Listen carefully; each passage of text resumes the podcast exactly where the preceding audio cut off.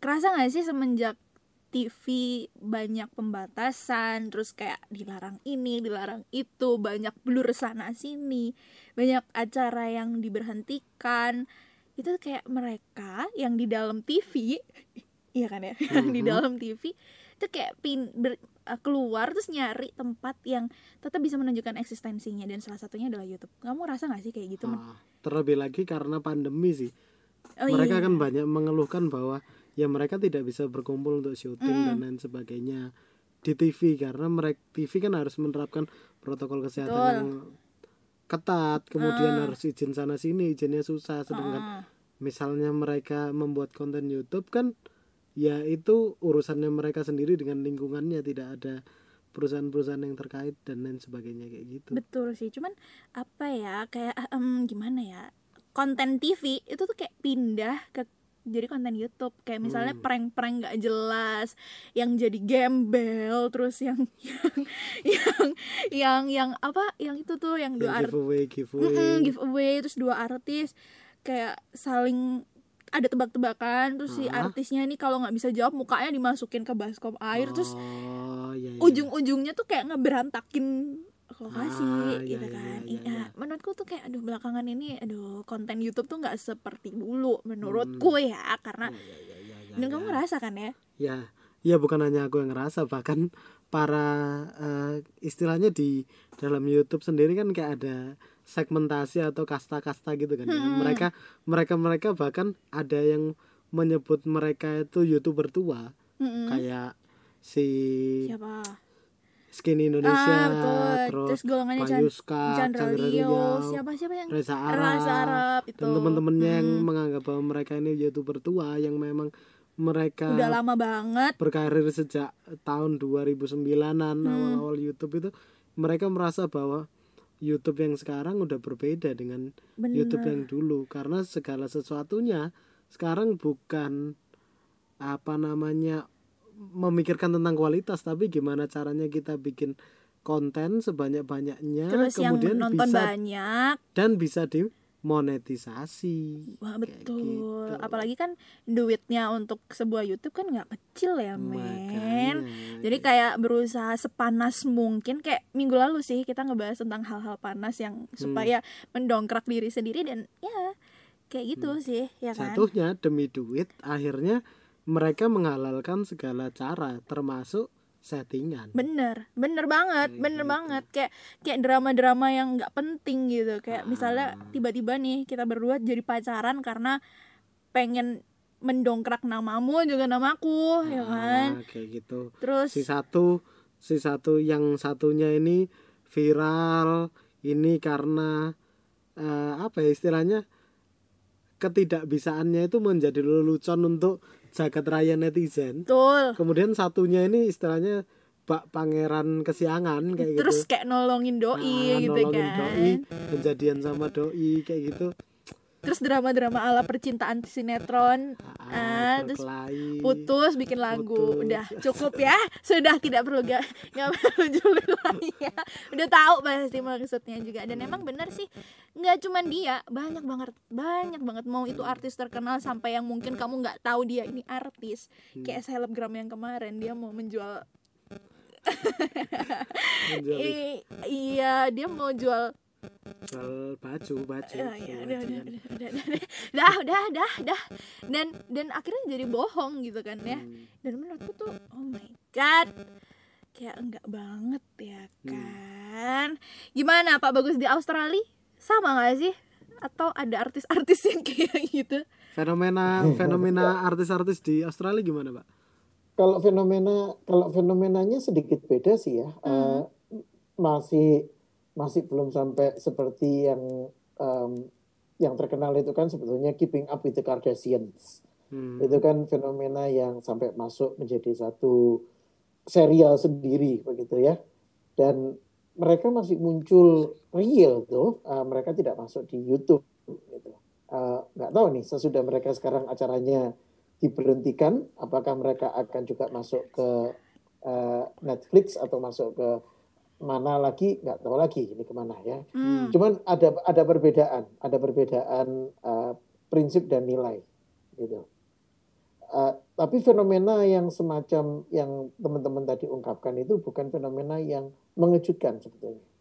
Karena salah satu uh, nilai keberadaan YouTube atau MySpace atau Facebook dan lain sebagainya itu kan sebetulnya ajang promosi diri. Mm.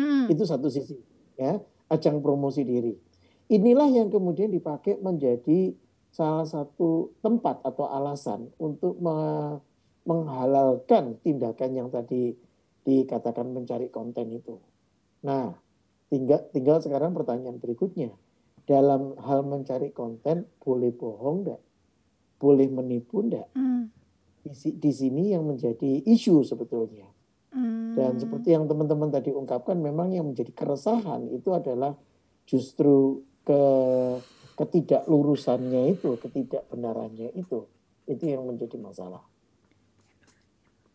Nah, Pak, itu kan ya. fenomena-fenomena yang istilahnya terjadi pada saat ya terlalu banyak orang mengejar uang, kemudian terlalu banyak orang yang mengejar istilahnya demi konten dan popularitas Betul. apa pun harus bisa terjadi hmm. walaupun istilahnya nggak real gitu nggak nggak masuk akal juga ah, gitu kan gitu kan nah sekarang fenomena yang hampir mirip nih pak tentang istilahnya hal kebohongan atau hal yang dipura-purakan itu misalnya uh, sudah wajar jika istilahnya kita kenal namanya selebgram mbak mm -mm. beberapa orang yang punya follower di atas mungkin lima ribu atau sepuluh ribu bahkan puluhan ribu nah. itu kayak bom buka diri untuk ban ngomongnya sih ngebantu nah. ya kan ngebantu bisnis, bisnis orang, lain. orang lain tapi tetap di balik itu ada yang namanya endorsement yang harus ada biayanya.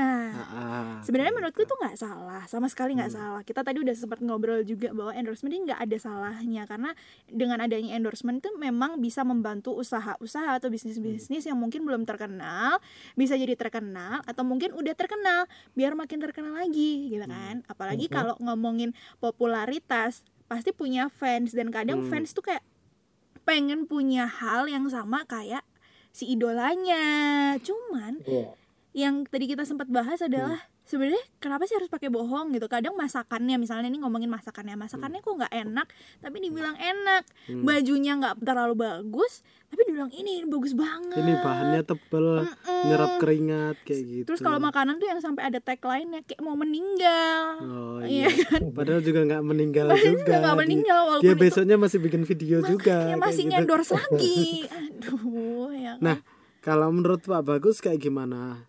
Dan misalnya nah yang menerima endorsement itu adalah kita sebagai orang-orang Kristen seperti itu apakah itu hal yang benar misalnya kita menerima endorsement kemudian kita uh, bohong atau bahasa halusnya mungkin melebih-lebihkan tentang produk yang kita promosikan.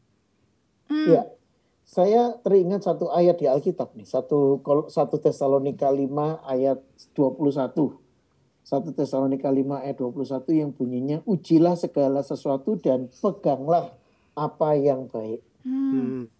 Ujilah segala sesuatu dan peganglah apa yang baik. Alkitab sudah memperingatkan kita tentang nilai kebaikan, nilai uh, yang berkenan di hadapan Tuhan.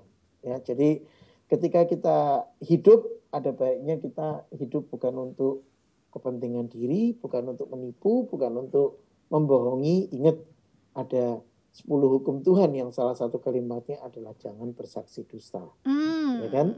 Jadi uh, dengan peringatan itu sebetulnya Tuhan menginginkan kita memiliki gaya hidup yang tulus, yang uh, terbuka apa adanya. Gak usah pakai sesuatu yang uh, berharap untuk orang itu bisa me, me, memuji kita, meniru kita, karena ketika orang itu hidup untuk Tuhan dengan tulus, pada saat itu orang akan melihat apa yang membuat orang ini beda. Apa hmm. yang membuat si ini beda ya. Cara bicaranya itu bisa dipercaya. Ini yang uh, hilang saat ini ya kepercayaan atau sikap untuk bisa dipercaya, sikap untuk bisa, sifat untuk bisa dipercaya oleh orang lain. Ini yang hari ini sudah semakin pudar dalam masa-masa ini. Oke. Nah kemudian Pak, hmm, saya juga jadi keingat eh, setelah Bapak tadi berbicara, ada salah satu artis juga Mm-mm. yang cukup istilahnya jauh dari kata sensasi, Mm-mm. tapi saya lupa siapa kayak gitu. Tapi eh, saya ingat betul kata-katanya adalah saya hanya menerima endorse untuk barang-barang yang memang akan saya pakai dan saya nyaman memakainya seperti itu. Sehingga pada saat follower saya atau pengikut saya melihat saya nyaman menggunakan itu, ya akhirnya mereka menerima apa yang saya rasakan juga. Jadi bukan kebohongan saya kayak gitu. Mhm. Itu tuh emang bener. Nah. Iya. In- in- itulah yang sebetulnya arti dari kata endorse itu. Karena konsep endorse itu berbicara soal uh, mendorong orang untuk melihat. Endorse tidak bicara soal menjual diri, tetapi endorse bicara soal membawa diri. Bagaimana orang itu bisa membawa dirinya dengan apa yang dia pakai, dia nyaman dengan apa yang dia kerjakan dan itulah yang seharusnya menjadi tujuan. Jadi mari kita belajar untuk melihat kehidupan bukan dari sisi popularitasnya, bukan dari sisi angka ekonomisnya, tapi kita melihat kehidupan itu dari sisi kualitasnya. Mm. Itu yang kita perlu tekankan dalam kehidupan ini. Jadi buat teman-teman nih, even kamu mungkin sekarang nggak sampai punya follower banyak atau kamu juga nggak bukan selebgram lah intinya bukan Hmm. artis itu kalau kamu ingin berkonten itu tuh ya yang berkualitas gitu loh. Kayak tadi bilangnya tuh ngitungnya tuh kualitasnya Hmm. gitu. Dan kalau misalnya kamu berkesempatan untuk dikasih kepercayaan nge, nge- apa ya bilangnya kayak Mendapatkan Ha-ha, dapetin endorse. endorse dan mempromosikan itu iya sejujurnya aja Hmm. gitu loh kalau kamu merasa kok nggak yakin ya nggak usah Hmm, gitu Berhati-hati untuk tidak jatuh dalam dosa berbohong gitu. betul lagian juga kamu ada kepikiran nggak sih buat ngendorse ngendorse gitu Um, mungkin endorse dari pemutih mungkin. Mereka- Pem- pemutih baju Oh, maksudnya. iya, iya. baju kamu banyak yang itu ya banyak warna kuning ya jadi pengen diputihin ya. Ya deh kalau gitu nggak apa-apa. Aku sih nggak ada karena aku ya sadar followerku cuma 200 orang. Dan itu pun yang nonton storyku cuma ya 90 orang curhat deh akhirnya ya. Gitu deh teman-teman pokoknya. Kalau kamu jadi selebgram siapa tahu kan? Atau mungkin kamu pengen sekarang lagi merintis pengen jadi youtuber. Yuk. Ya atau konten kreator atau Betul. kalian mau jadi influencer tuh jadilah orang-orang yang jujur. Hmm, bisa memegang prinsip kejujuran itu mm-mm. sehingga kita tidak jatuh dalam dosa kebohongan. Betul sekali tepuk tangan. Aduh senang sekali. Hari ini tuh kayak kita ngebahas yang beneran gitu loh. Iya semuanya beneran sih. Maksudnya kayak yang kita alamin sama-sama. Soalnya jujur aja aku pernah ketipu main kayak dia bilangnya ini enak banget ya. Pas aku makan nggak seenak itu ternyata. Enak menurut dia mungkin. Oh iya. Oh iya Oke, gitu aja teman-teman. Daripada kita lan- lanjut ke bablasan curhat tentang eh, kekecewaan-kekecewaan kita. Kita akhiri dulu pas ke eh kita akhiri dulu. podcast kita karena minggu lalu kita nggak nyebutin nama kali ini podcast ceria itu selalu ada Esra Dan Priska. jadi ya udah sekarang kita udahan Bye bye.